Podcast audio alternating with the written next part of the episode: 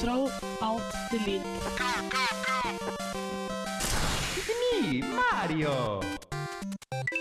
Control alt, delete.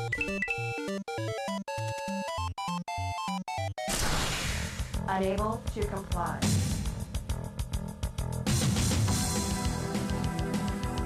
Unit under attack. Auto shutdown. Sequence in progress. Ready to serve, my lord. Denne uka i Kontroll Alt Elite er vi faglig relevant. Vi kommer til å slå av en prat med en foreleser fra NTNU om spill og akademia. Vi kommer til å være kritiske til TIF, syns om spillcover og researche hva som har skjedd i spillverden den siste uka. Men først skal vi prokrastinere med 'Making Me' av Woodland.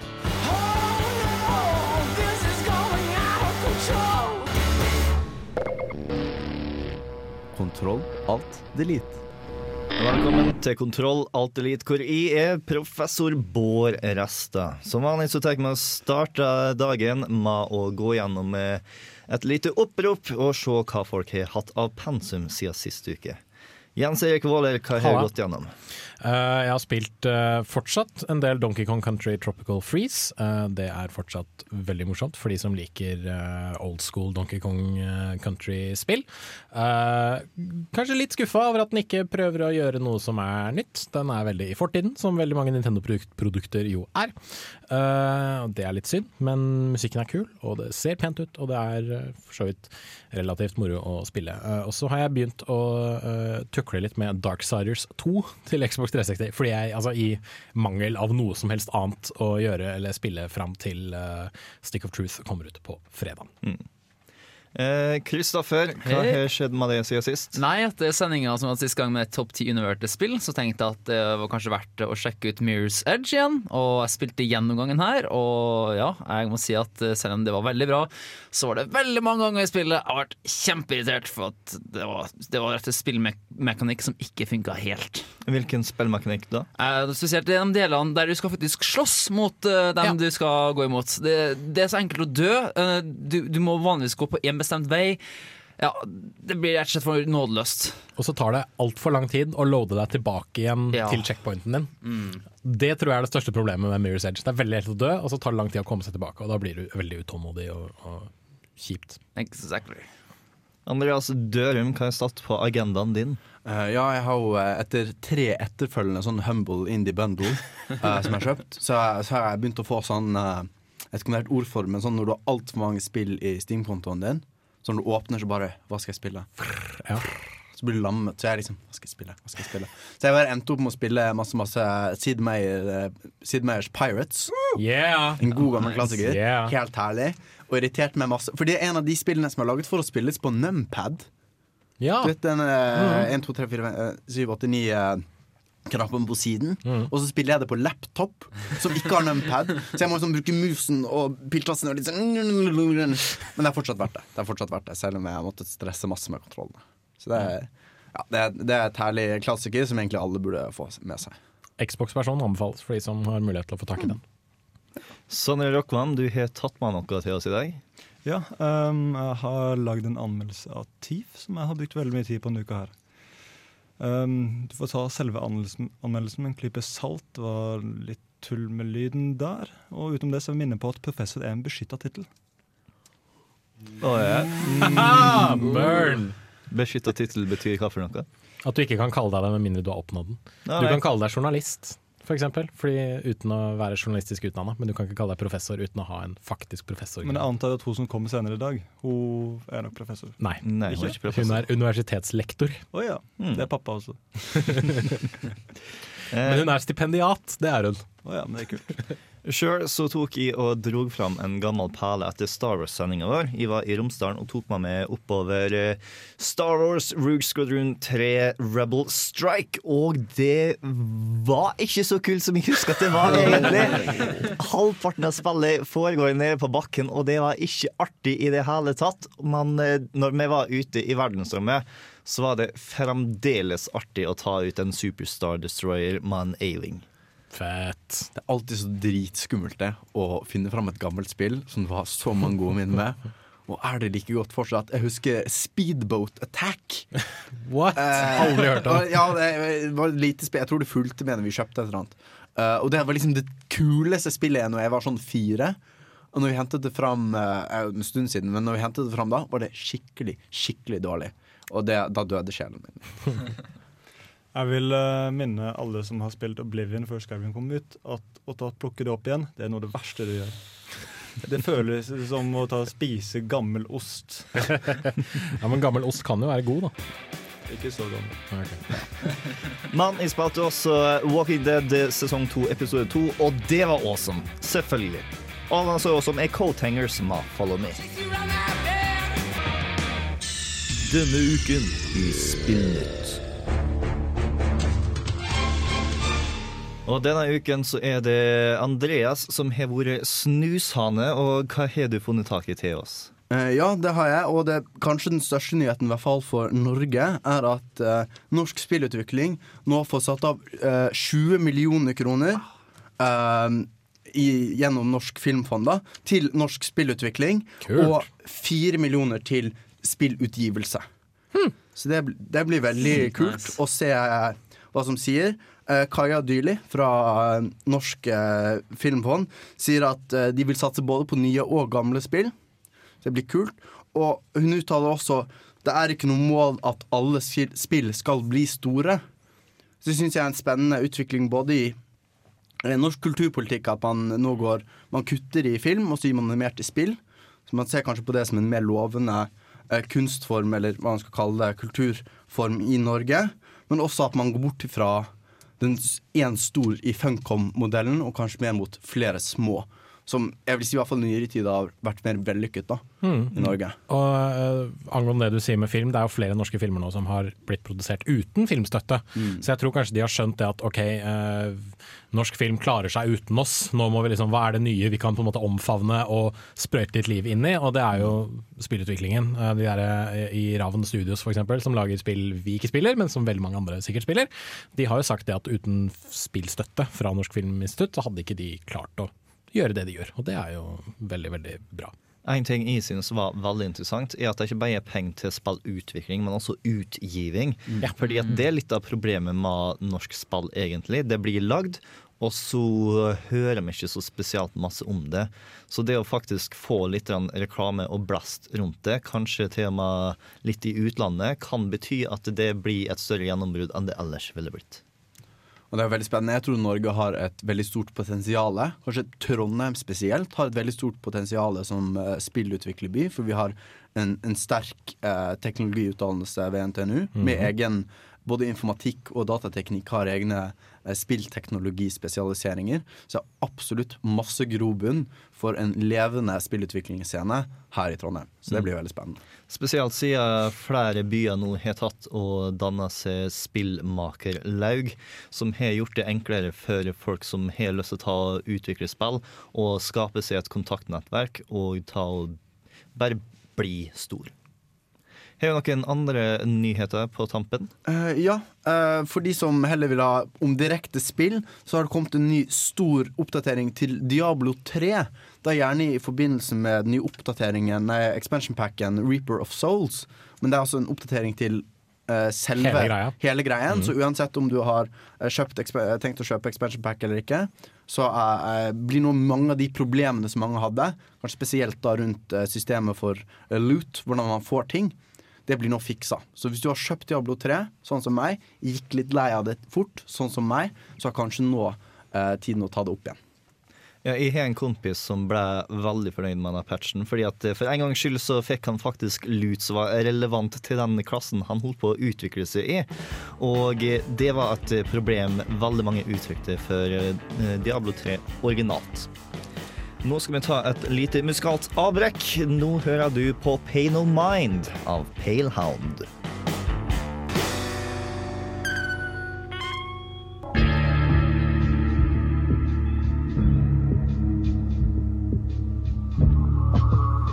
Palehound med Pay No Mind hørte du der. Og nå skal du høre enda mer spillnyheter, fordi at det har eh, kommet et storspill i horisonten nå nettopp. Andreas, og hvilket spill er det? Ja, Det er nemlig det nye Batman Arkham Knight, da med KN. Jeg vet ikke om det uttales eh, hvordan jeg uttaler det nå. Det, det er eh, riktig uttalelse. Ja. Yes! Eh, Det er det tredje Batman-spillet fra Rocksteady Studios. Da Yep. ikke de som lagde Ar uh, Arkham Origins, men de som lagde eh, Asylum Asylum og City. City, som er Yes. de, var de to beste. da Så jeg er skikkelig spent. De har sluppet en cinematisk trailer som inkluderer Batmobilen. Yes, For det er stor fokuset til dette spillet. Kan jeg bare si Veldig lov. Det er faen meg på tide, altså. Syns jeg, i hvert fall. Eh, de gangene jeg har fått kjøre Batmobilen, er i Lego Batman-spillene. og det er gøy, for all del. Det er moro.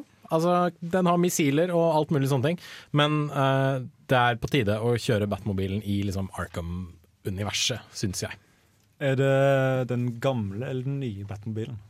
Det er en nydesigna Batmobil, så er litt en blanding av eh, Christopher Nolan sin Batmobil og Tim Burton sin Batmobil, for å si det sånn. Ja. Og de har designa byen fra bunnen opp for eh, å ta og passe til Batmobilen, sånn at det skal være dritkult for deg å fare rundt og leke med han.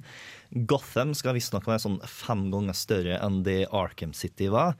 Eh, og eh, Arkham Knight-tittelen refererer visstnok ikke til Batman, men heller en ny karakter som er skapt av Rocksteady og DC sammen. Da spesielt han Jeff Johns, som er en stor kar innenfor DC og en veldig kjent tegneserieforfatter. Ja, nå er jeg ikke noe selv en særlig stor uh, Batman-spiller, men det som er ganske exciting, det er jo at uh, det her er jo en release som kun, kun kjente PC, Xbox eh, One og PlayStation 4. Indeed. Og det som er så kjekt med det, er at det, er ing- at det er så få technical limitations på det her, og det er jo derfor blant annet kan gjøre Batman, eller Gotham fem ganger større. Og ja. Det er altså. et uh, fakta som de kasta ut, som jeg har utrolig problemer med å helt forstå. Men de sa at eh, det er like mange polygoner i én skurk i Arkham Knight som det var i hele Gotham City by. Eller i- ja. I, eh, fra, eh, fra Arkham City. Alt det av bygninger og sånt, alle de polygonene, én person. Minner meg veldig masse om da Kojima skrøt over at det var like mange polygoner i barten til Solid Snake som det var i en vakt fra Metal Gear Solid 3. Jeg gleder meg likevel. Det skal bli gøy. Men eh, fra godnyheter til kanskje litt mer eh, bekymringsverdige nyheter. Amy Hennig, som har skrevet og regissert eh, Un- Uncharted-spillene og mange andre spill fra Naughty Dog, slutter nå, etter ti år, i Naughty Dog. Det er, kan, det er trist, men sånn som ting er. Men det er rykter om at hun ble presset ut av eh, de andre forfatterne fra The Last of Us. Så rett og slett tvunget til å slutte, altså. Ja. Dette er ganske skittig. Ja, nei, det Ja, er en hvis det er eh, inside source som IGN Ja. visstnok har funnet tak i.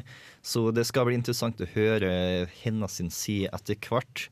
For uh, hun er nå mer eller mindre den som sto bak Uncharted-serien. Og da blir det veldig synd å se den personen forsvinne uh, for oss som liker Uncharted. Men er det én ting jeg har lært av spillbransjen, så er det jo det at hvis det er noen som er veldig veldig dyktige til noe, og de er på en måte blitt en sånn fri, fri radikaler, så vil de bli snappa opp av et eller annet annet spillstudio. Mm. så forhåpentligvis så vil hun kanskje få jobb hos noen andre. Enten det, eller starte sitt eget eh, indie-studio, eller begynne å brygge øl i Canada. Har du en eh, siste godbit til oss? Ja, kanskje en eh, gladnyhet for å avslutte. Eh, Twitch Plays Pokémon eh, ble endelig ferdig eh, med Victory Road og de eh, Elite Elite Four på bare eh, 14,25 timer. Altså etter at hele Ikke spillet verst. tok ca. 400 timer. Så tok Det er den ikke liksom verst. Ja, fordi jeg, jeg tror det handler om at jo færre folk, jo lettere blir det egentlig. Praise Bird Jesus. Jeg, må bare si altså at etter når jeg var ferdig, når de slo det lite for, så, så kjente jeg liksom at det var noe som mangla. Eller liksom forventet det skulle være eksplosjoner, det skulle være fantastisk. Nei da, det var liksom bare noen færre commands i chatten, noe mer snakking. Det var liksom, ja 24 hours to the next, next adventure. Det var Det Yes. hva som mangler. Og det neste eventyret er allerede i gang. Det er selvfølgelig Pokémon Crystal, eh, som er den tredje versjonen fra Gold og Silver. Så eh, dersom du har lyst til å stemme for Democracy der, så er det bare å kjære på. Hei Mario! It's Mia, ukas anmeldelse.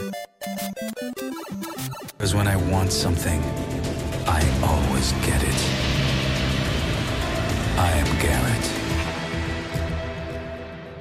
I spillet Thief er du som mestertyven Gareth plassert i en mørk, district dark, gritty, viktoriansk steampunkaktig verden som generelt sett er ganske jævlig. De fattige har det jævlig, de rike er jævlig, de på toppen er antikrist selv og driver med okkult magi, og alle sammen driver og dør av en sykdom som gjør at du blir deprimert før du dør. Det her er ganske greit for de som bryr seg om det, men du er mestertyven Gareth, og ditt mål er å stjele mest mulig. Til enhver tid. Er du låst inne? Ikke noe problem. Har noen det i beltet? Ikke noe problem. Er det boltet fast? Vel, du har jo en skrutrekker. Og sånn går det egentlig.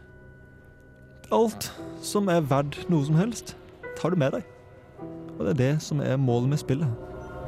I've been away, but I couldn't tell you where. The city has changed. I've changed. Akkurat som Gareth, så har du egentlig ingen peiling på hva som skjer i denne verden her. Du har vært ute et år, Gareth har vært ute et år, og du går egentlig bare rundt og stjeler. Du satser på at de personene du stoler på, som Gareth, har peiling på hva du skal gjøre, og du gjør det de ber deg gjøre. Story kan du lese det opp i i dokumenter du finner mens du har vært borte. Men for meg så er jeg egentlig bare begeistra nok for den utrolige stealth-følelsen Eidos Montreal har klart å lage. Kontrollene tar litt tid å bli vant til, men etter det så føler jeg som en skygge. Det er fantastisk. Du stjeler ting, og kontrollene er kjempesjeldent i veien. Det er noen barnesykdommer generelt i spillet, av og til er det noen glitches, og det er noen bugs. Level-designet er litt vanskelig å forstå til tider. Og eh, lyden er av og til litt å synke. Utenom det så er jeg utrolig imponert over spillet. Det er bare latterlig bra. Åtte av ti.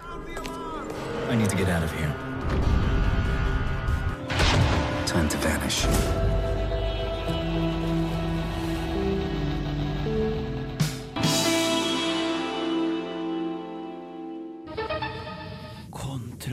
Whose footprints are these? Alt. Delete, delete, delete! Der hørte du Fear of Men med Luna, og før det så hørte du selvfølgelig Sondre sin anmeldelse av det nye Thief-spillet.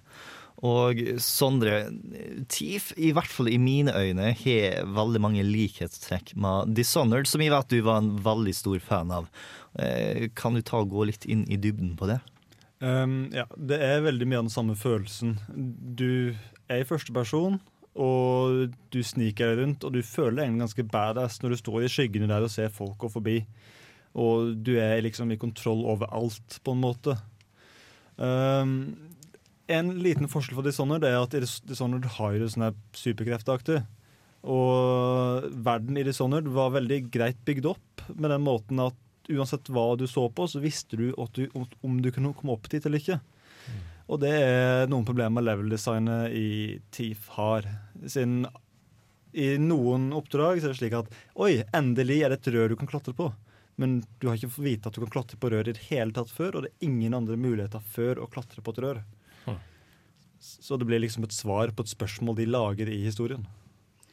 En annen ting med Dishonored var at jeg følte mange av de kule mulighetene i Dishonored, mye av det kule gameplayet, det lå i å være lethal. Så hvis du skulle være skikkelig skikkelig snikket i Dishonored, så var det egentlig ganske få uh, ting du kunne gjøre. Mye blink, du bare blinka overalt. Hvordan er non-lethal-greiene i Teeth? Thief? Um, jeg snakka med noen som har gjort spillet på PC. De, de likte ikke combat-systemet, men jeg, jeg var veldig fornøyd med det. Um, med den togglen du har på PlayStation, som jeg spilte på, så har du en veldig stor frihet, og du har ganske raske bevegelser. Målet her er jo ikke at du skal drepe folk. Han Gareth går til å ta kjefte på folk fordi de dreper folk hele tida.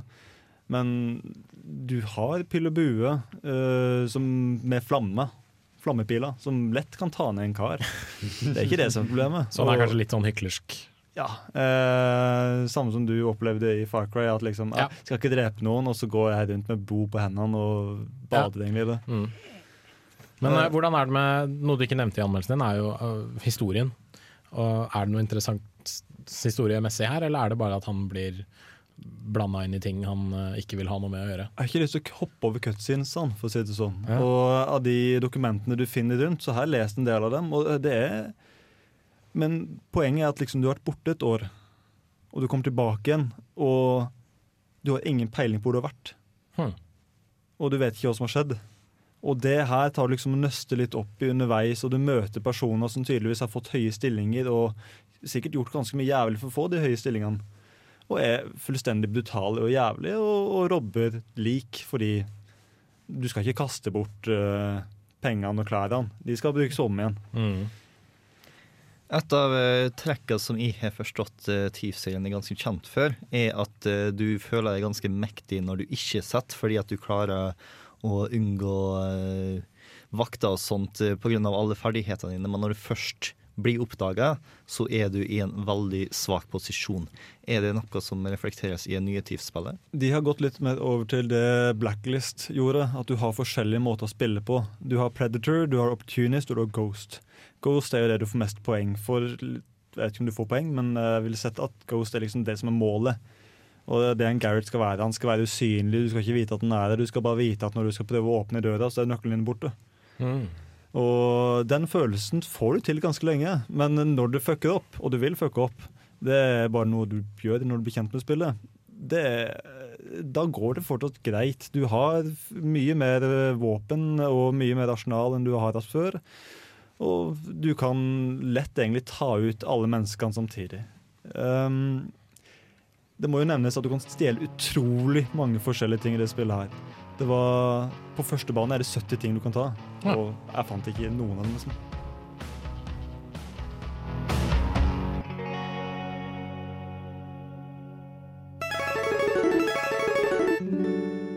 Honeyblood Machoku fikk du der, og nå skal vi ta og prøve noe nytt i Kontroll Alt Elite. Greia er at jeg har tatt meg med et spillcover inn i studio og har vist det til de andre. De har ikke spilt dette spillet før. De har faktisk aldri satt boksen før. Og det som er planen nå, er at de skal ta og synes om spillet. Ta og finne ut hva slags spill det kan være, hvordan kvaliteten de tror det er, osv. Uh, for dere der hjemme så heter spillet Dino City. Dere finner coveret i artikkelen til denne episoden, eller med å bare eh, google Dino City. Eh, for å ta og beskrive det, så er det kuleste bildet du kan finne på slutten av 80-tallet, tidlig 90-tall. Det er en eh, guttunge på sånn ti år som sitter på et skateboard med Walkman på æren. Så henger sammen med en Tinarosaurus rex i lærjakke, solbriller og sneakers. Og det bare sitter der nå og henger sammen og rette retter tommel opp og er kul. Ja. Uh, det er noe av det mest 80-tallete jeg har sett. Uh, gi meg spillcoveret, Bård. Jeg må se litt mer Det på kom for altså. øvrig ut i 1991, kan jeg bemerke. Altså, jeg også. Altså, jeg har ikke lyst til å strekke meg for langt, men har inkluderer spillet dinosaurer? Ja. Eh, dersom vi skal ta og lese bak på boksen, så står det Team up with the dinosaurs for a super huge adventure!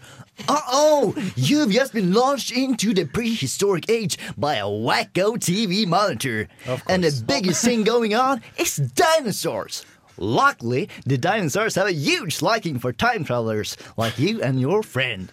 Now, you just have to solve the problem of the Neanderthals. These caveheads are out to destroy Dino City and all the dinosaurs in it. So hop on the back of your favorite dinosaur and get ready to some fast action with a very large scale. Haha, scale. Yes. Uh. Altså, eh, før du leser bakpå, så trodde jeg det var en slags sånn City Builder Sim Ja. eh, i- med dinosaurer. Eh, nå viser det seg at isteden er sånn artsforræderi eh, som går, er på gang. Eh, altså, jeg ser jo bak på esken her da, at det er ganske klart hva slags type spill dette her, i hvert fall. Det er et plattformspill. Yes. Eh, du styrer en dinosaur, og så tror jeg du har et uh, menneske på ryggen din, fordi, eh, per din beskrivelse. Uh, og det virker veldig sånn typisk Nes, Snes-plattformerspill, at du går gjennom diverse verdener med diverse temaer til seg, liksom is, ild, sky, hav, whatever. Uh, og så hopper du sikkert på fiender, ser jeg for meg. Um, utover det så Altså, med tanke på hvor mange plattformer det ble lagd til Super Nintendo og Nintendo på uh, seint på 80-tallet og tidlig på 90-tallet, og med tanke på hvor mange av dem som var ganske dritt, så tror jeg ikke dette her er sånn kjempemessig bra. Sånn egentlig. Men du nevnte i sted Jens Erik, at du så på coveret at uh, det var en dinosaur og en gutt som satt oppå. Ja. Det får, får meg liksom til å tenke på Super Mario World, egentlig. Jo da. men jeg vil ikke si at bare fordi det har en dinosaur og en fyr som sitter på ryggen Yoshi, til dinosauren da, ja, Ja, det er to ja, likhetstrekk, men det betyr ikke at Og det, kvaliteten er det samme. Men det ser jo ut som en plattformer også. Ja, Kvaliteten tror jeg ikke er helt Er du klar over hvor mange shitty plattformene det var på Super Nintendo? Okay. Made in Japan. Yes. Jeg er ikke, jeg er Altså, ikke overraska engang. Dette, altså, jeg føler dette er et De fleste spill er lagd i Japan. Da, til Ja, men ikke, ikke sånn så bare- Jeg føler dette er et spill som, eh, spill som stiller spørsmålet, et filosofisk spørsmål. Er, styrer du en dinosaur med en gutt på ryggen, eller spiller du en gutt som rider på en dinosaur? Nå tror jeg du spiller, stiller litt for dype spørsmål for dette spillet her. Altså. Da er spørsmålet jeg har lyst til å stille før vi tar og går til musikken, er har dere plukka opp dette spillet dersom dere var guttunge? Med tanke på hvor mye jeg elsket dinosaurer da jeg var yngre, ja, det hadde jeg mest sannsynlig. Nå vet jeg bedre. Jeg hadde aldri SNES. Eller jeg hadde aldri Super Nintendo, så eh, nei. Nei, jeg var ikke født engang, så Vi kommer til å gå inn på hvordan spillet faktisk er, etter at vi har hørt King Dude and Chelsea Wolf med Be Free. Kontroll alt delete. I bakgrunnen nå så kan du ta og høre litt musikk ifra Dino City. Og musikken var faktisk en av de tinga i spillet som fikk mest skryt. For eh, i motsetning til Vel, det sier nok litt om spillet. Vel, i motsetning til hva Jans Erik eh, sin synesisme tenker, så var faktisk eh, Dino City ganske mot godtatt. Det fikk sånn i gjennomsnitt sju ut av ti fra forskjellige plasser som anmeldte. Og de mente at spillet var litt vel barnslig, men har en vanskelighetsgrad som var der for å utfordre de voksne. Eh, grafikken var også ganske så fin. Jeg har sett et par videoer av det, og bakgrunnen er fantastisk. Men det jeg synes er aller mest overraskende med dette spillet her, er at det er en eh, spillversjon av en film. Filmen has Adventures in Dinosaur City, som har tagline Before there were turtles, dinosaurs rule the world. For den var skapt eh, som en reaksjon på Ninja Turtles. Of course it was. Yes. Faen heller 90-tallet! Why you gotta break balls? Og historien er mer eller mindre samme som jeg beskrev i stad. Eh, noen guttunger tar og elsker et eller annet TV-program med dinosaurer. De bestemmer seg for å se det på monitoren til faren deres eh, i laboratoriet hans. Og plutselig så er de sugd inn i TV-serien og eh, slåss mot neandertalere i lag med Rad Extreme Dinosaurs. Det her hørtes så utrolig kjent ut at det Ja, wow. Det, Jeg har ikke ord. Du hadde kiden fra Ear Indiana i hovedrollen. jeg liker det. Dessverre så er ikke filmen ute på Netflix. Det var det første jeg sjekka. Eh, men dersom dere har lyst til å ta og plukke opp Dinosaur City, så selger de det for øyeblikket på Game Trondheim til Super Nintendoen for 400 kroner. Herregud, altså. Yes.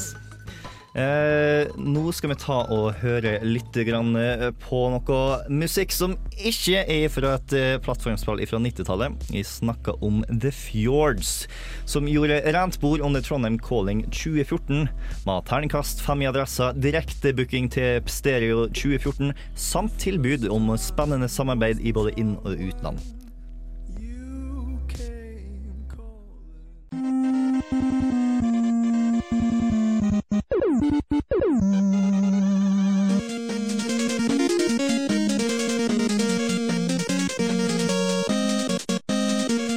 Og da er vi inne i time to av Kontroll alt elite, hvor dagens tema er spill og akademia. Og i den anledning så har vi faktisk tatt med oss noen folk utenfra inn i studio med mer peiling enn vi har.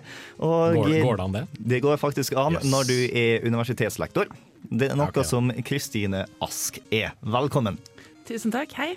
Eh, Du er også en eh, blogger for spillpikene.no. eh, Og er universitetslektor for tverrfaglig kulturell studie. Ja, takk. Tverrfaglig kulturstudier. Nesten. Um, So close. So close.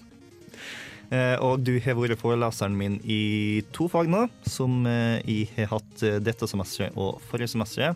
På høstsemesteret så var det digitale kulturer, og dette semesteret så er det IKT og kulturendring. Og der lærer vi litt av hvert om spill, og hvordan det påvirker kulturen, og kulturen påvirker spill. grei oppsummering, ja. Mm. Om jeg er mer ekspert på spill enn dere er, det får vi nå se. For du holder på å ta doktorgrad i World of Warcraft.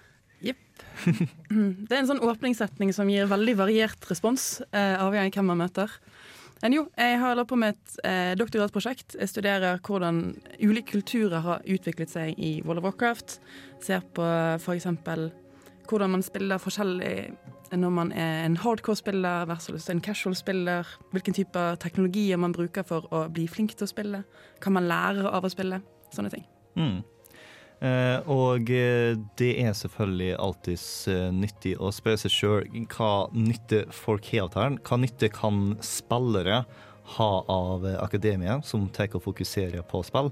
Og hva slags nytte kan spillutviklere ha av at folk med grader tar og studerer litt nøyere? Ok, For, det, for spillerne så er det ganske enkelt. Det er hvis skal, noe skal bli eh, stuerent, så hjelper det veldig om man får institusjoner organisasjoner, og noen kan ta studiepoeng i noe. Så det er det, Jeg tror det hjelper veldig mange å kunne si at her finnes det forskning på noe, om man ikke bare sitter med magefølelsen eller hva man hørte venner sa sist kveld man spilte. Og vi ser jo det med Altså, det er jo veldig, veldig mye kontroverser rundt dette med dataspill når voldelige hendelser skjer. Det er noe jeg irriterer meg veldig over, jeg vet det er noe Bård irriterer seg veldig over, og sikkert veldig mange der ute. Og da er det jo alltid greit når man har noen som sier at ja, men jeg har en doktorgrad i dette her, jeg kan peke og si at pam, pam, pam, pam, ikke stemmer. Jo. Det er veldig fint. Ja, vi prøver jo å gi beskjed. Det er jo ganske mye enighet eh, om effektene av spill innenfor spillstudier. Det er bare at journalister ikke nødvendigvis alltid får det med seg, eller alltid har interesse av å formidle det vi har blitt enige om. Mm. Vel, det er noe litt typisk eh, journalistikk å bruke orda 'nyere forskning viser', som gjerne er mer det noen har tatt og påstått at det kanskje er slik, og skal undersøke det mer, men i stedet for å vente, så bare tar vi og kaster det ut en ganske fin overskrift som vil ta og gi oss klikk og salg til aviser. Ja. Og så er det noe med at eh, altså spill i seg sjøl er jo en trendting. Jeg skal ikke se bort ifra at jeg bl.a. får lov å ta en doktorgrad. Jeg ble ansatt fordi at jeg da satser på spill, som veldig få andre gjør. Og de vil, det er en fjær i hatten til NTNU å kunne snakke om at de har også folk som forsker på spill og sånt. Da virker de også veldig fremtidsrettet. Politikere syns det er kjempefint å snakke om spill og læring. Ja, ja, vi er fremtidsrettet, vi skal også ha spill i skole. Alle nikker, og alle er veldig fornøyde, for dette høres så innovativt ut, og dette høres så bra ut for fremtiden. Men eh, det er jo ikke nødvendigvis så enkelt. Hæ, jeg hadde ingenting. Ikke se på meg, Bård. Uh, nei, men jo, det du nevner med at folk sier spill og sånt. Det er veldig mye sånn og sånt. Ja, det er kanskje fordi at uh, når de sier spill, så er det ingen som helst vet hva de mener. Da blir spill og sånn en ganske naturlig sånn oppsummering av et, av et stort felt som ikke blir veldig definert. Uh, for eksempel spill for læring. Så blir det sånn spill og sånt, For det er veldig få som har konkrete ideer om hvilke spill som skal brukes, hvordan disse skal implementeres, hvem som skal designe de. Det krever jo faktisk handling og planer og kanskje politisk vilje og muligens penger. Da er det mye Ja. bedre å bare kalle det spill og sånt. Da er det mye vanskeligere å klage etterpå når det ikke ble verken spill eller sånn. Men du, du forsker på eh, altså Ikke akkurat fankultur blir feil å kalle det, men altså, du har jo vært innom det også. Vet jeg. Uh, og Jeg har en forelesning om går som handler veldig masse om k-pop og bulges in pants og slashfic, så ja, fankultur er definitivt noe som blir diskutert. Og nå ser jeg Kristine står her og rødmer litt, for jeg vet at altså, jeg har vært hos deg og sett k-pop-musikkvideoer. Ja, det, er, det er min store guilty pleasure. Den, eh, det bare tar frem liksom i, i godt lag. Eh, det er mye, for meg blir det mye mer stuerent å kunne si at jeg forsker på spill, og innrømme at jeg ser på k-pop på fritiden. Det, jeg tar ikke frem med det første. Eh, men, men jeg skal ikke snakke om k-pop her nå, selv om jeg Det samme, Jeg fokuserer veldig mye på det som skjer rundt spill.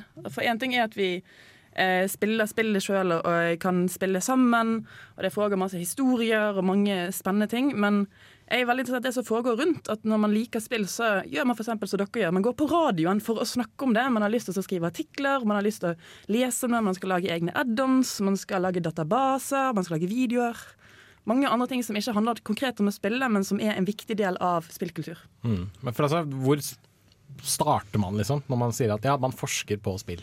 Men det er jo et sånt altså Det er som jeg ville sagt at jeg forsker på film, for jeg skriver masteroppgave i filmvitenskap, men det er jo en sånn ørliten sånn blipp innenfor det store feltet som er film, som jeg skriver om. Og hvor, hvor starter man når man sier at jeg skal forske på spill? Uh, det hjelper å begynne å spille. Uh, mye av den uh, si, Den som kalles da nyere forskning, eh, viser at, som det refereres til i disse her eh, avisartikler som påstår at spill fører til avhengighet, spill fører til vold, spill fører til sosialt forfall, et eller annet sånt. Um, det er jo gjerne laget av forskere som ikke har spilt sjøl, som har veldig begrenset forståelse av hva det vil faktisk si. Uh, det, er, det er grunner til at vi har disse mytene lever veldig mye. Det er for at Hvis du ikke spiller sjøl, så er det ganske vanskelig å forstå hva som foregår. Du ser bare en person som sitter foran en skjerm. De virker helt oppslukt, de virker helt fraværende. De blunker ikke. Nei, det, det, har jeg merka på meg selv, at hvis ting blir veldig intenst, så blunker jeg ikke. Og når da liksom den sekvensen er over, så må jeg liksom ta meg selv igjen litt og merke at å shit, nå begynner jeg nesten å gråte her fordi, det er, fordi jeg er veldig tørr i øynene. Ja, du kan bare si det. at derfor.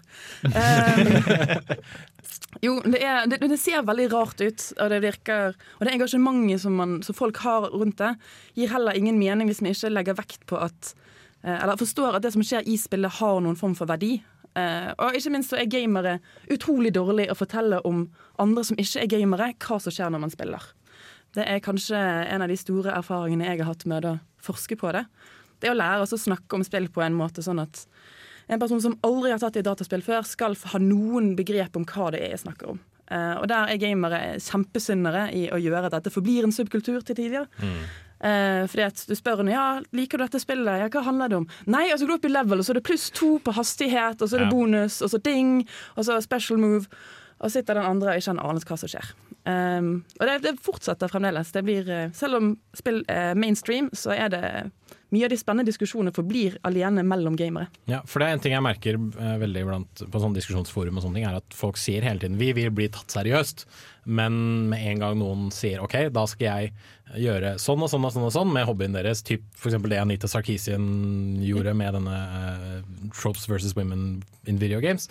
Uh, og da blir det veldig sånn, da blir det motsatt reaksjon at nei, ikke ta dette seriøst. Fordi dette, dette, er nært meg, dette skal jeg beskytte. Men alt andre, det kan, det kan du ta seriøst.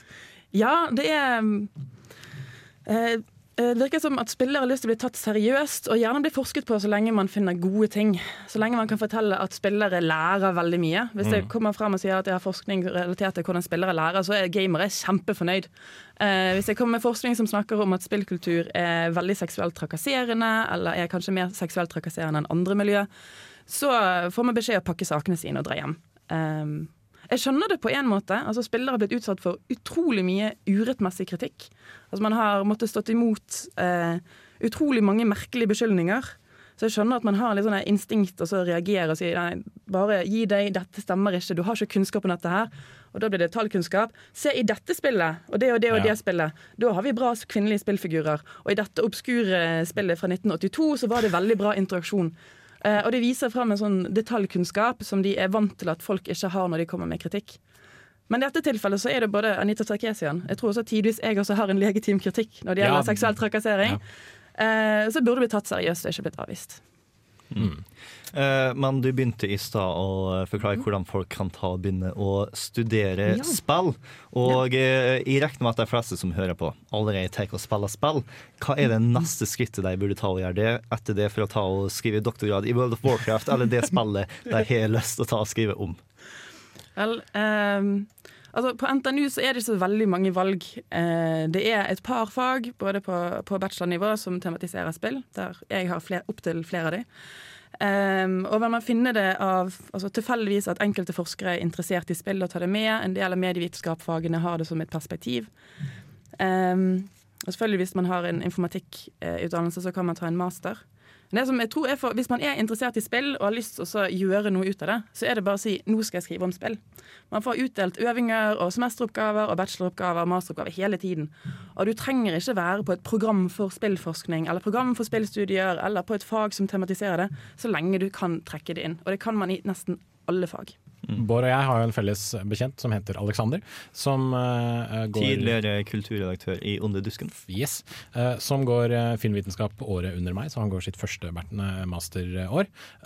Og der tar han et fag som heter Film i terrorens tid.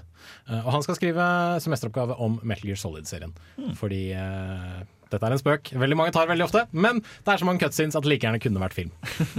so there. Eh, og eh, da jeg skulle ta og skrive bacheloroppgave i filmvitenskap, eh, som tar og for øvrig deler bacheloroppgaven med medievitenskap og så mangt annet, så bestemte jeg meg for å sammenligne Apokalypse nå og Spec Ops The Line, som begge to tok utgangspunkt i Heart of Darkness. Den bachelorgraden ble, eh, bacheloroppgaven ble riktignok aldri fullført, men jeg lærte masse interessant om spill, inkludert en konflikt jeg ikke visste var en konflikt, og det var eh, narratologi versus ludologi. Det er kanskje ikke det den Jo, vi kan godt, altså, Ludologi versus narratologi. Det er veldig enkelt forklart. Skal man se på eh, spill som en form for fortelling, som man kan analysere som en fortelling, eller er det et helt spesielt eget medium som trenger helt egne teorier for å forstå det, fordi det er basert på spillmekanikker? Det er kanskje koke ned. Dette driver de og gnurer på med jevne mellomrom på spillkonferanser og i, eh, og tidsskrift. Narratologene vil ta og låne veldig masse fra litteratur og film, mens ludologene sier alt sammen skal foregå gjennom gameplay og fuck cutscenes, folkens. Jeg vil si at cutscenes har mye for seg, absolutt. altså. Det, Det er en liksom- god belønning i hvert fall for at du har gjort noe kult. Så får du Ja. bra cutscene. Problemet er at begge to er litt for bastant, som du gjerne er når Ja, det er i akademiske retninger. Men uh, det var ganske interessant å ta og lese om, og uh, ikke like interessant å skrive om, egentlig. Og kanskje litt derfor jeg nå er 15 studiepoeng eh, fattigere. Ja, men det er ditt problem. Yes, Jeg tror jeg vil ta og trøste meg litt med å høre litt mer musikk fra Dino City. Denne låta som vi skal høre på nå, heter Mr. Biggs Castle.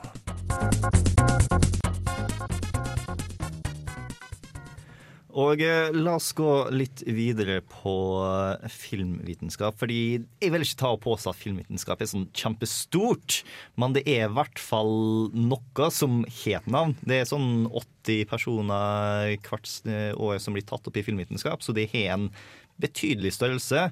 Og jeg lurer på om vi en gang i tida kommer til å se en studieretning med navn spillvitenskap, som har noenlunde den størrelsen. Ja. Ja. Det, jeg, skulle, jeg skulle utbrodere litt forbi det. Ja, jo. Um, om vi får det, eller hvor fort vi får det, har mye mer med generelle økonomien til eh, universitetene i dag, Mm. og hvordan man finansierer spesielt samfunnsvitenskap og humanistisk forskning. Så hvis vi får, får orden på det, så tror jeg en av de vitenskapene, eller en av de feltene som kommer til å etablere seg sterkt, er spillvitenskap. Vi har, det er et eh, institutt på ITU i København, som er, vil finne de fleste store spillforskerne har klart å samle seg der. Og har da har sine grader og har kurs og har, driver på sånn som de fleste andre felt. Vi kommer til å få de også i Norge. Jeg vil tro at det er litt sånn som at uh, etter hvert som de som vokser opp med dataspill, blir eldre og begynner å lage spill selv, så vil jeg tro at det har en lignende effekt innenfor akademika. Da. Det at noen går inn i et eller annet fagfelt med bakgrunn og tenker at jeg syns spill er topp, og så plutselig så shit, nå er jeg professor i spill. Eller noe sånt. noe. Jo, det er, det er litt sånn. Det er litt sånn kronglete underveis, men det er, er gjerne sånn det skjer. Og, og spillvitenskap, eller unnskyld, spillstudier er kanskje noen 10-15 år gammelt. Det er ikke så veldig gammelt, men det har gått fra å være eh, virkelig som en håndfull folk som syntes at det med spill var litt gøy, og møttes på noen konferanser, til nå være et etablert fagfelt med mange ulike tidsskrift, eh, mange forskjellige konferanser. Eh, flere hundre forskere som deltar på altså, jeg tror det rundt 400-500 forskere som deltar på den årlige konferansen Digital Games Research Association, så den spillforskerkonferansen. Eh, så det er mange som driver på med dette. Mm. Det er litt samme retninga som filmvitenskap utvikla seg tilbake i tida. For det var ikke så spesielt mange som tok og så på akademisk. Du har et par eh, tørre franskmenn og russere som mente at film absolutt skulle være sånn eller Yeah! sånn. Og så uh, utvikla det seg, og jeg tror det var på sånn 50-60-tallet at det først ble skikkelig stort å ta og snakke om eh, filmvitenskap og uh, diskutere the, female, the male gaze og hvordan vi opplever film og alt mulig rart. Sånn som det. Så Forhåpentligvis går det litt raskere enn uh, med spill, for hvis ikke så er jeg nærmere 60 år gammel før uh, det faktisk blir en ting. Men vi har nå heldigvis internettet, så gjør det masse enklere for folk å ta og dele meninger og ha diskurser. Du har blant annet sida uh, Game of er vel? Gamasutra. Gamasutra. Gamasutra. Gamasutra, som tar og titt og ofte slenger ut ganske fine, relativt akademiske i hvert fall, artikler om uh, spaltforskning. Så mm. gjør det ganske enkelt for folk å følge med.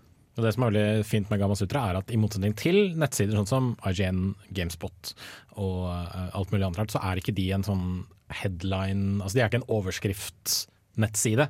De er veldig sånn gravende journalistikkfolk. og uh, Lee Alexander vet jeg er veldig god til å skrive veldig mange fine artikler for Gamma Sutra, så det er å sjekke ut hennes uh, artikler, i hvert fall.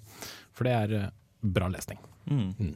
Du har også diverse YouTube-kanaler som er ganske interessante. Blant annet Extra Credits, som jeg er ganske glad i å dra inn en gang iblant. Det er ikke sånn kanskje kjempeakademisk, det er vel ikke så mange kilder? De, som- altså, Kildebruken deres er relativt dårlig, men eh, jeg har nå sett det meste som er extra Credits, så jeg bruker de hjemlige forelesningene av en grunn. De klarer stort sett på fem minutter å oppsummere de tingene som man burde vite, iallfall sånn noenlunde om temaet. Um, så de syns de, de, syns de gjør en bra jobb. Um, andre blogger, hvis vi driver og deler ting, så vil jeg anbefale uh, Terranova. Terranova-bloggen, for I motsetning til Gamasutra, som jeg opplever i kanskje i litt større grad fokuserer på design og prosessen bak spilldesign, så er jeg, jeg er personlig mer interessert i kulturen. Og da Terranova er da liksom en felles blogg med sånn who's who av folk som har studert virtuelle verdener. Fra Richard Bartle, Edvard Castranova, folk som har skrevet virkelig de noen av klassikerne inne på feltet, som driver jevnlig og blogger om ulike aspekter som eh, virtuelt gull i disse verdenene. Hvordan hardcore casual, ut, ulike design, eh, endring i mekanikker, hvordan det påvirker spilleatferd. Eh, så mye i hvert fall til kulturperspektiv, men der er det mye også mye bra. Mm. Så dersom universitetet ikke gir deg muligheten til å ha en pensumliste riktig enda, så er det ikke noe som hindrer deg til å lage din egen pensumliste. Blogg i vei. Um, jeg har litt annen innfallsvinkel på det hele. Um, hvordan er litt sånn, En kompis meg, jeg snakker med han, så sier han liksom Ja, du er ute etter å harness the gamer power. Hva er det de andre akademiske fagfelt kan lære av spill, for eksempel? Eh, Vi snakker jo om gamification, og jeg driver på produktdesign oppe på Kløshaugen. og det er jo veldig mange andre konsepter som brukes, og eksempel som, som Extra Credits nevnte, med Skinners box, som blir da brukt i spill. Hva er det man kan kanskje lære fra spill som man kan bruke i andre fagfelt? Vel, eh, altså, I spillutviklingen så er det mange altså, tekniske innovasjoner som har kommet fra spillindustrien, som har blitt plukket opp andre steder. Fra sånne, når det kommer fra, fra sånne som meg, som driver på kultur og samfunn og sånt, eh, og hva folk gjør når de spiller, så er det jeg tror kanskje det vi har betydd eh, ganske mye, handler faktisk om pedagogikk. Av alle ting så er det, handler det om læring. Eh, ikke en fortelling om alt dette fine vi lærer i spill, det det handler ikke om det, men at det viser seg at spill er veldig flinke til å lære vekk noe.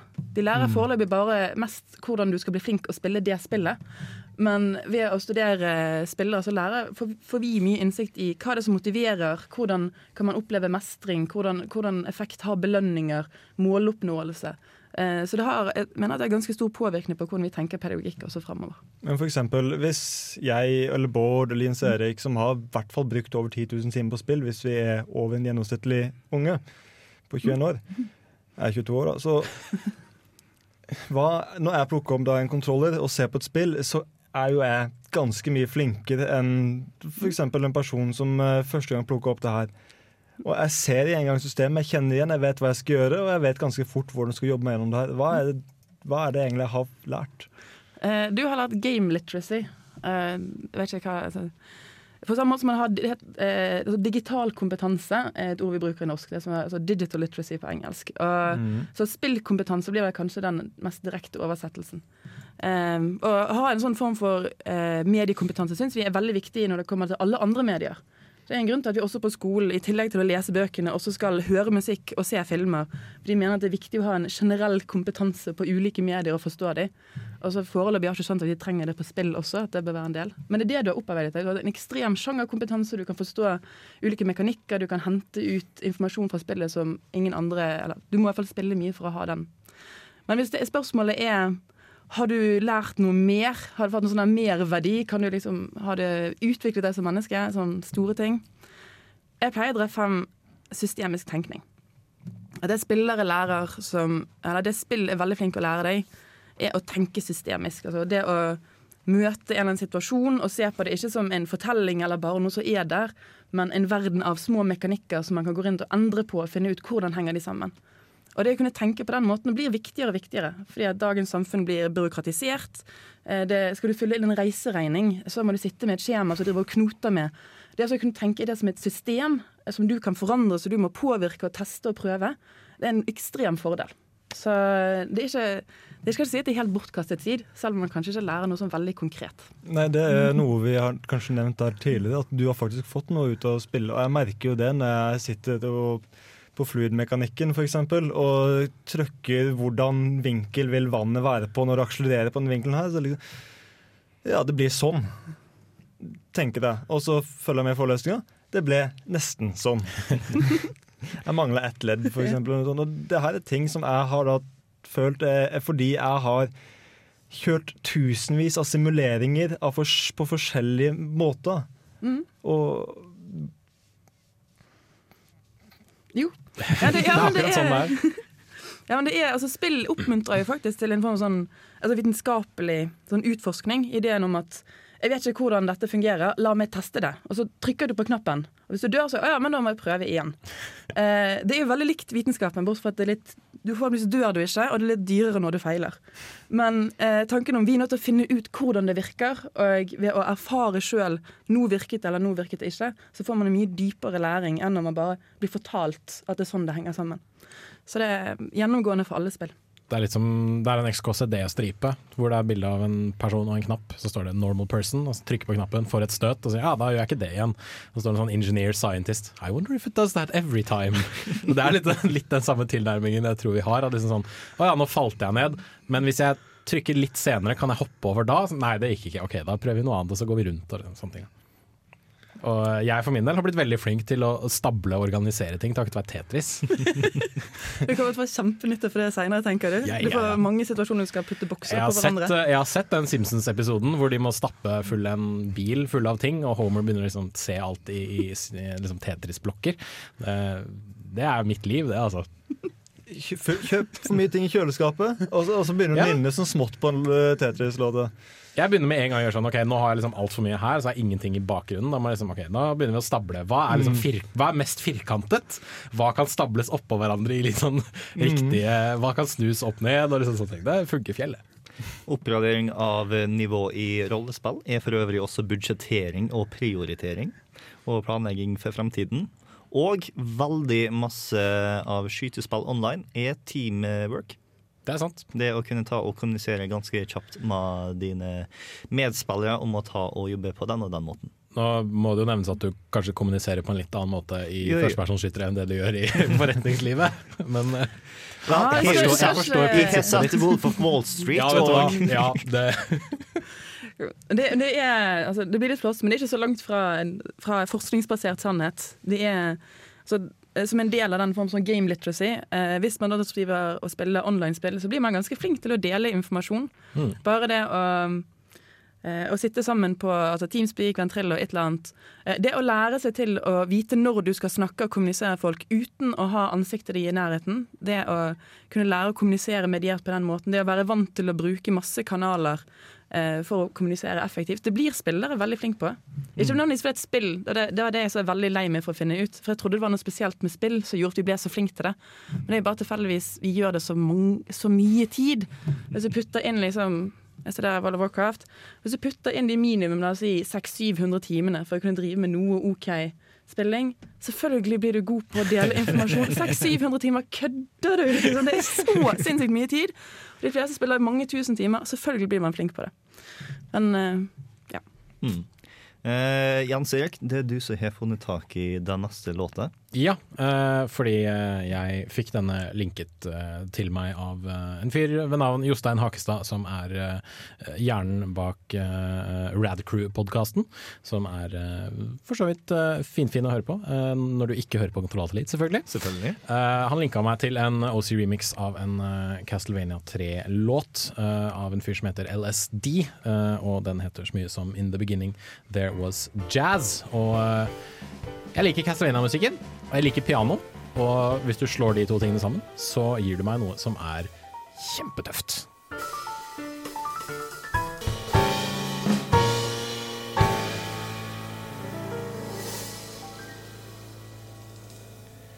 Der hørte du In the beginning, there was jazz. Yeah.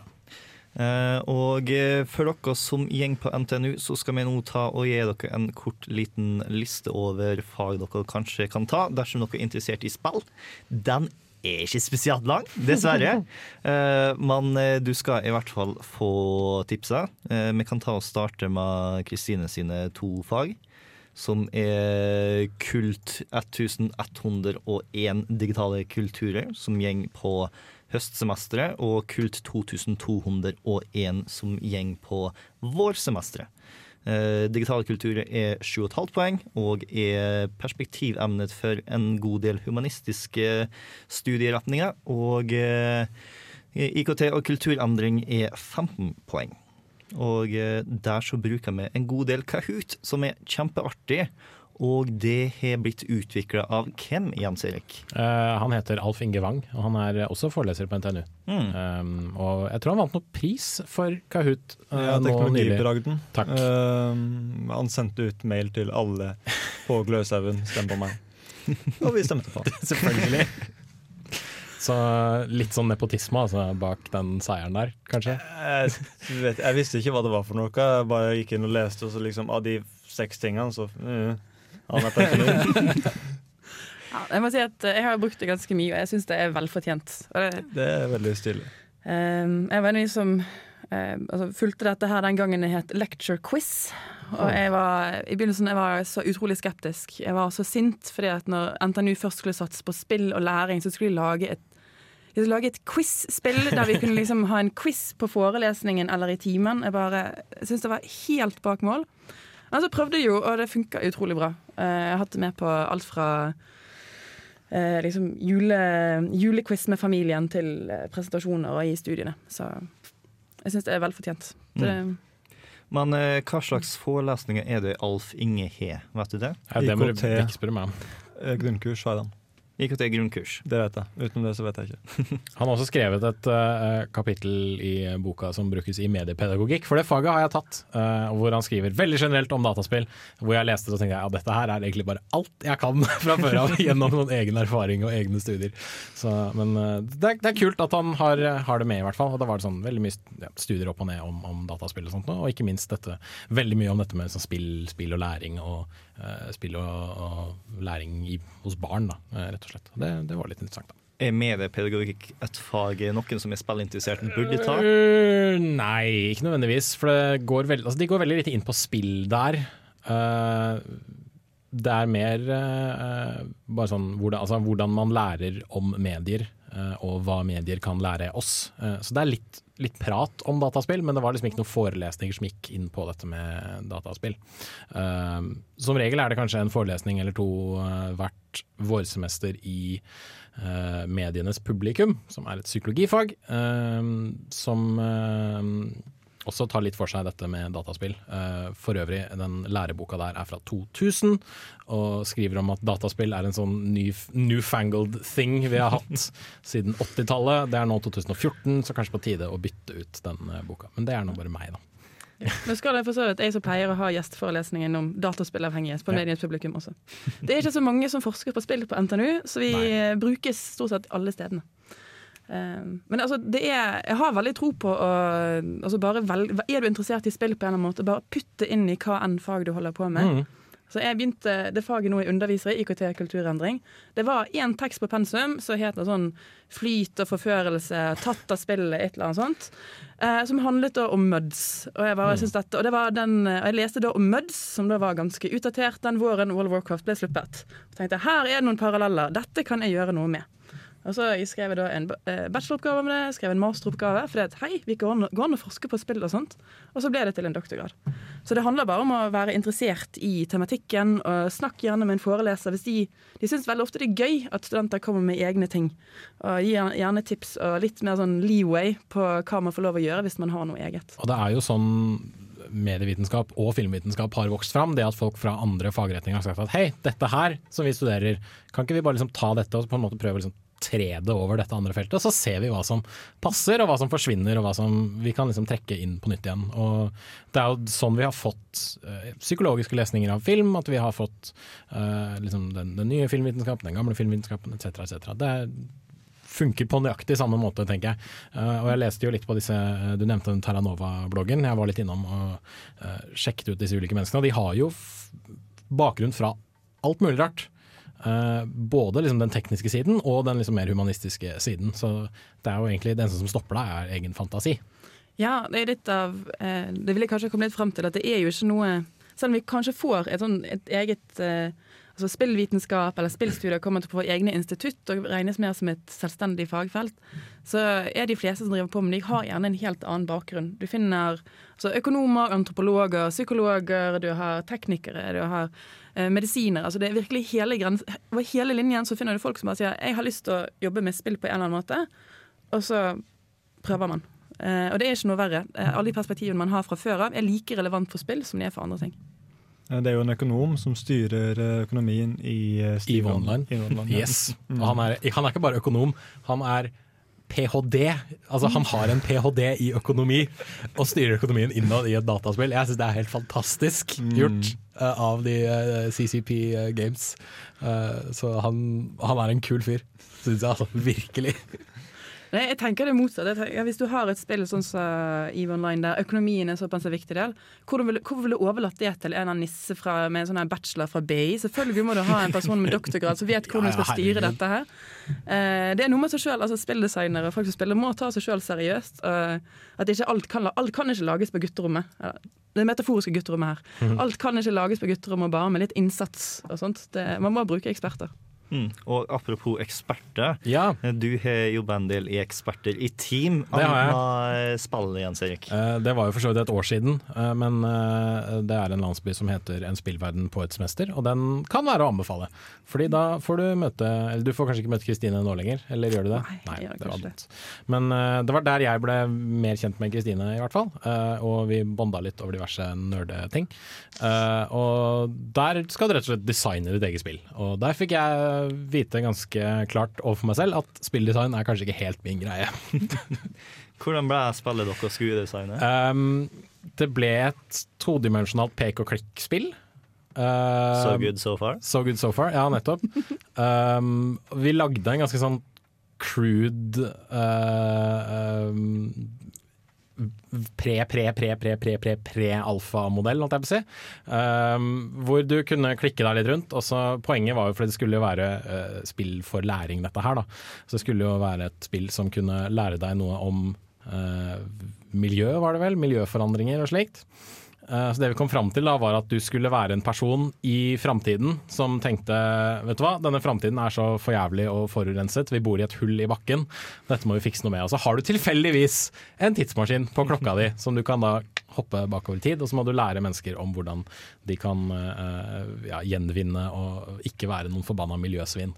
Og da poenget var, eller litt av greia i spillet var at Eh, når du fikser ting i fortiden, så ble det selvfølgelig bedre enn i framtida. Eh, og da hadde du da disse to forskjellige fremtider. Da. Den ene hvor du bodde i et hull, og så har du den andre hvor ting ble bedre og bedre etter hvert som du fikset ting da, i ulike områder. Uh, det så helt for jævlig ut, for vi tegna jo alt sammen i paint. Uh, og litt grann i Photoshop. Eh, og Men, men design, altså ideen er jo Ideen kjempegod. Jeg, har- jeg, jeg skal si fremdeles at jeg får masse poeng for ideen som ligger bak. Den er, den er ganske solid bruk av ulike spillmekanikker. Det- Inni hodet mitt så er dette et shockwave-spill fra tidlig 2000-tall Ja, på nrk.no. det- var ikke langt unna, altså. fra. Det, det, vet du hva, det var faen meg ikke langt unna. Poenget, altså, Tanken var at hver oppgave du skulle løse, skulle være et slags minispill. Da. Eh, Det eneste vi kom fram til å designe og kode, eller kode da, liksom fullføre, var en sånn Sokoban-aktig sak, hvor du skulle dytte eh, ulike typer søppel inn i ulike beholdere. eh, og da lære folk om resirkulering på en eller annen innfløkt, merkelig måte som vi hadde liksom sett for oss i vårt eget hode, som vi kanskje ikke nødvendigvis klarte å kommunisere inn i spillet. Men det var jo et festlig prosjekt å være med på, syns jeg absolutt. Og det, det er absolutt verdt det hvis du skal ta en, en mastergrad, syns jeg i hvert fall. Mm. Og det trengs flere dragvollinger på det faget, fordi Ja. vi var eh, 30 kanskje påmeldte.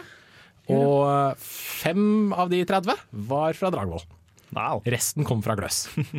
Og eh, alle de fra Gløs hadde jo selvfølgelig veldig mye teknisk innsikt, men eh, jeg, vi fra Dragvoll hadde jo noe å, å gi, vi også. Eh, men det var veldig få dragvollinger. Jeg følte meg litt sånn malplassert noen ganger på en gruppe med fire gløsinger.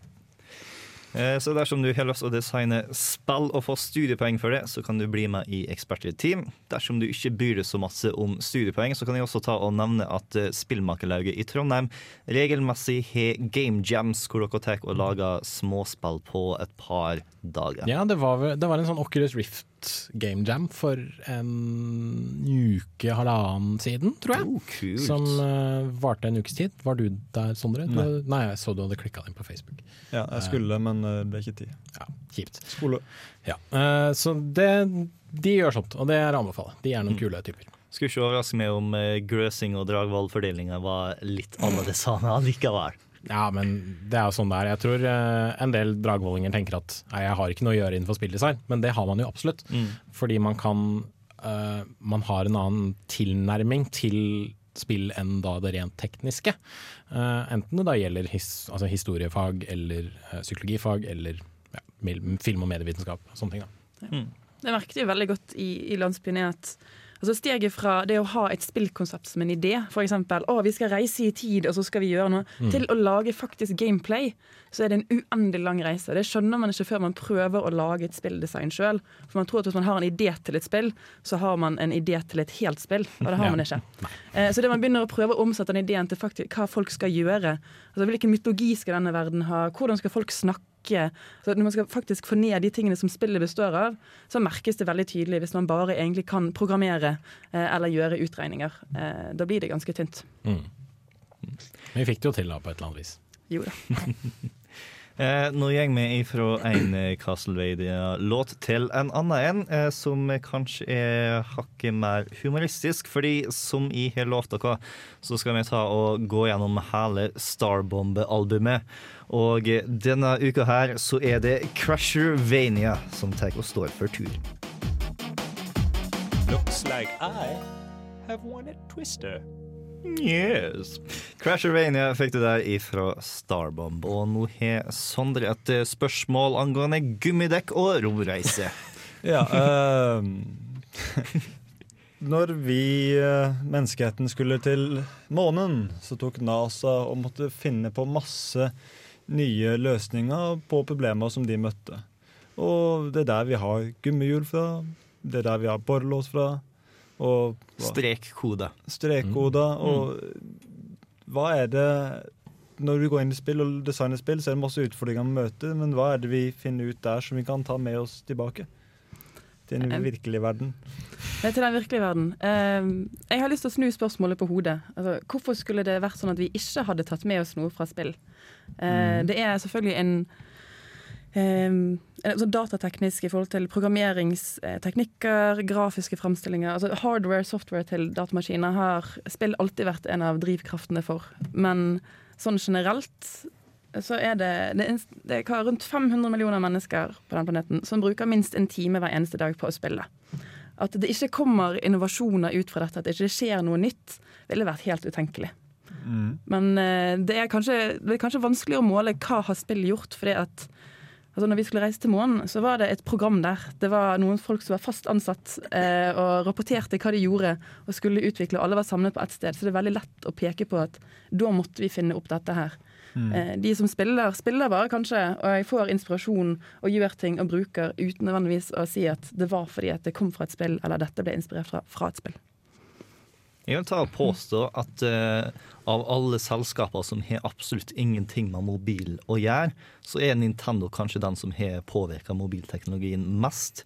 For de gjorde trykkskjermen ekstremt populær. Samme med eh, Gyroskop. gyroskopi, uh, som de putta i uh, Wii-kontrollerne sine. Mm. Og eh, ikke Mario på telefonen ennå, men Mario har endra telefonen allikevel. Jeg vil påstå at det vil aldri komme Mario på en telefon. Fordi du trenger den presisjonen som det er i en D-pad og knapper, eventuelt en joystick og knapper, og det får du ikke på en touchskjerm. Mm. Så aldri Mario på telefon. Never. Det er bare dumt, med mindre det er en sånn her endless runner hvor du bare trykker for at han skal løpe. Notre Damus-utfordring. Hæ? Nostradamus-utfordring? Ja. For all del. Jeg, vet du hva? Jeg skriver under på det, altså. Aldri Mario på en telefon. Virkelig. Aldri Mario på en trykkskjerm. Og når vi går videre på telefoner, så vil jeg også spørre hvor appene vi har den dag i dag har vært uten spill. Med tanke på Spesielt så planleggingsappene er veldig like hvordan Questbooks i forskjellige RPG oppfører seg. Potensielt. Jeg vet ikke, jeg, har, jeg bruker ikke sånne planleggingsapper fordi jeg er dum, tydeligvis. Men eh, Det betyr men at du har så mye kontroll i utgangspunktet. Nei, du trenger det ikke. absolutt ikke. Absolutt ikke. Uff. Eh, men eh, som du sier, dette med, altså, som vi har vært inne på, dette med gamification og sånt nå, det er jo altså, sånn Fitocracy-apper og sånne ting, hvor du, liksom, du leveler opp og du får uh, erfaringspoeng fordi du har tatt fem mer pushups enn det du gjorde forrige uke og sånt. Og det er jo det er jo spilling, på en måte. Eller det er et Mm. Spillaktig system satt inn i noe annet. Og liksom eh, Hadde vi ikke hatt dette med dataspill og leveling up, og sånne ting, så hadde vi kanskje ikke sett på så hadde ikke folk klart å liksom gamifye det å trene, for eksempel, på den samme måten, tror jeg i hvert fall. Mm. Så der har du mer eller mindre det. Eh, akademia og spill er ganske så fint, og det leder faktisk til gode ting her i verden. Er det noen som har lyst til å ta og skyte på med noe før vi avslutter for i dag? Jeg kan si en ting, at vi bare har skrapt overflaten. Ja. Uh, det er så mye mer som kunne ha vært uh, ikke bare diskutert, men det er, altså, det er så stort felt som har blitt nevnt. Uh, og gjør litt research, holdt jeg på å si. Eller begynn å google folk, begynn å blogge om ting du syns er kult i dataspill. Uh, skriv om det, snakk om det med andre mennesker. Uh, søk opp navn som f.eks. Ian Bogost, som er en veldig kul uh, spillforsker. Og les litt hva han har sagt, og se om det gir noe vettugt mening i forhold til hva du har sagt. Og så videre og så videre. For det er Sånn blir du smartere, sånn blir du flinkere på dataspill. På en annen måte enn bare å spille. Mm.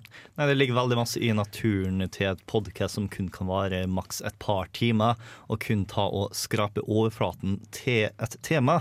Og hvilket tema skal vi skrape overflaten til neste uke, Sondre? Det blir uh, vanskelighetsgrad i spill. Hva gjør det med spillet? Mm. Og um, ja, temaet innenfor det Kan et spill være for lett? Kan, kan det være slik at et spill blir ødelagt av at vanskelighetsgraden er feil?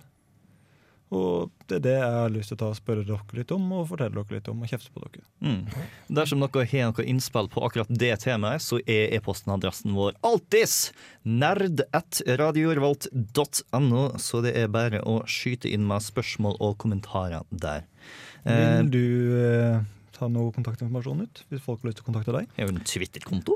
Ja, at Kristine Ask. Så kan følge med der, og gjerne sende meg tips eh, om morsomme ting som skjer. Igjen, eh, særlig folk som sier interessante ting om spill og spillkultur. Mm. Og som tidligere nevnt, så tar hun og blogger på spillpikene.no, som kanskje er en side verdt å ta og sjekke ut. Absolutt. Vi kommer til å legge ut linker til både det og alle de andre nettsidene som jeg tok og nevnte tidligere i programmet, om interessante akademiske spillting duppeditta. Men eh, nå så tar vi og går mot slutten. Følg med neste uke, da temaet er vanskelighetsgrad i spill, og Hallgeir tar og anmelder South Park The Stick of Truth. Og så får du ta og kose det neste uke, og samtidig som du hører hva for noe, Jens Erik? Jeg har spilt en del eh, Strider i det siste, til eh, PlayStation 4. Som eh, kan være å anbefale hvis du trenger et eh, OK eh, action-plattformspill til din PlayStation 4. Eh, og så tenkte jeg F it, nå graver jeg opp litt gammel Strider-musikk. Og da fant jeg en remix av en mann ved navn Quinn Fox, som har gjort en remix av de originale Strider, altså musikken til det originale Strider-spillet, og lagt ut på OC Remix. Låta heter Vibe Victory.